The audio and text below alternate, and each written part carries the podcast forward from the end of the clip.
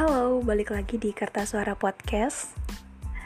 Ya, jadi kita sudah masuk ke season kedua di Kertas Suara dan sebetulnya sudah ada 5 episode di season kali ini. Season kedua ini agak berbeda dengan season sebelumnya. Jadi kali ini kami mungkin akan lebih fokus ke pembacaan puisi, prosa, dan sajak dari para tim Kertas Suara.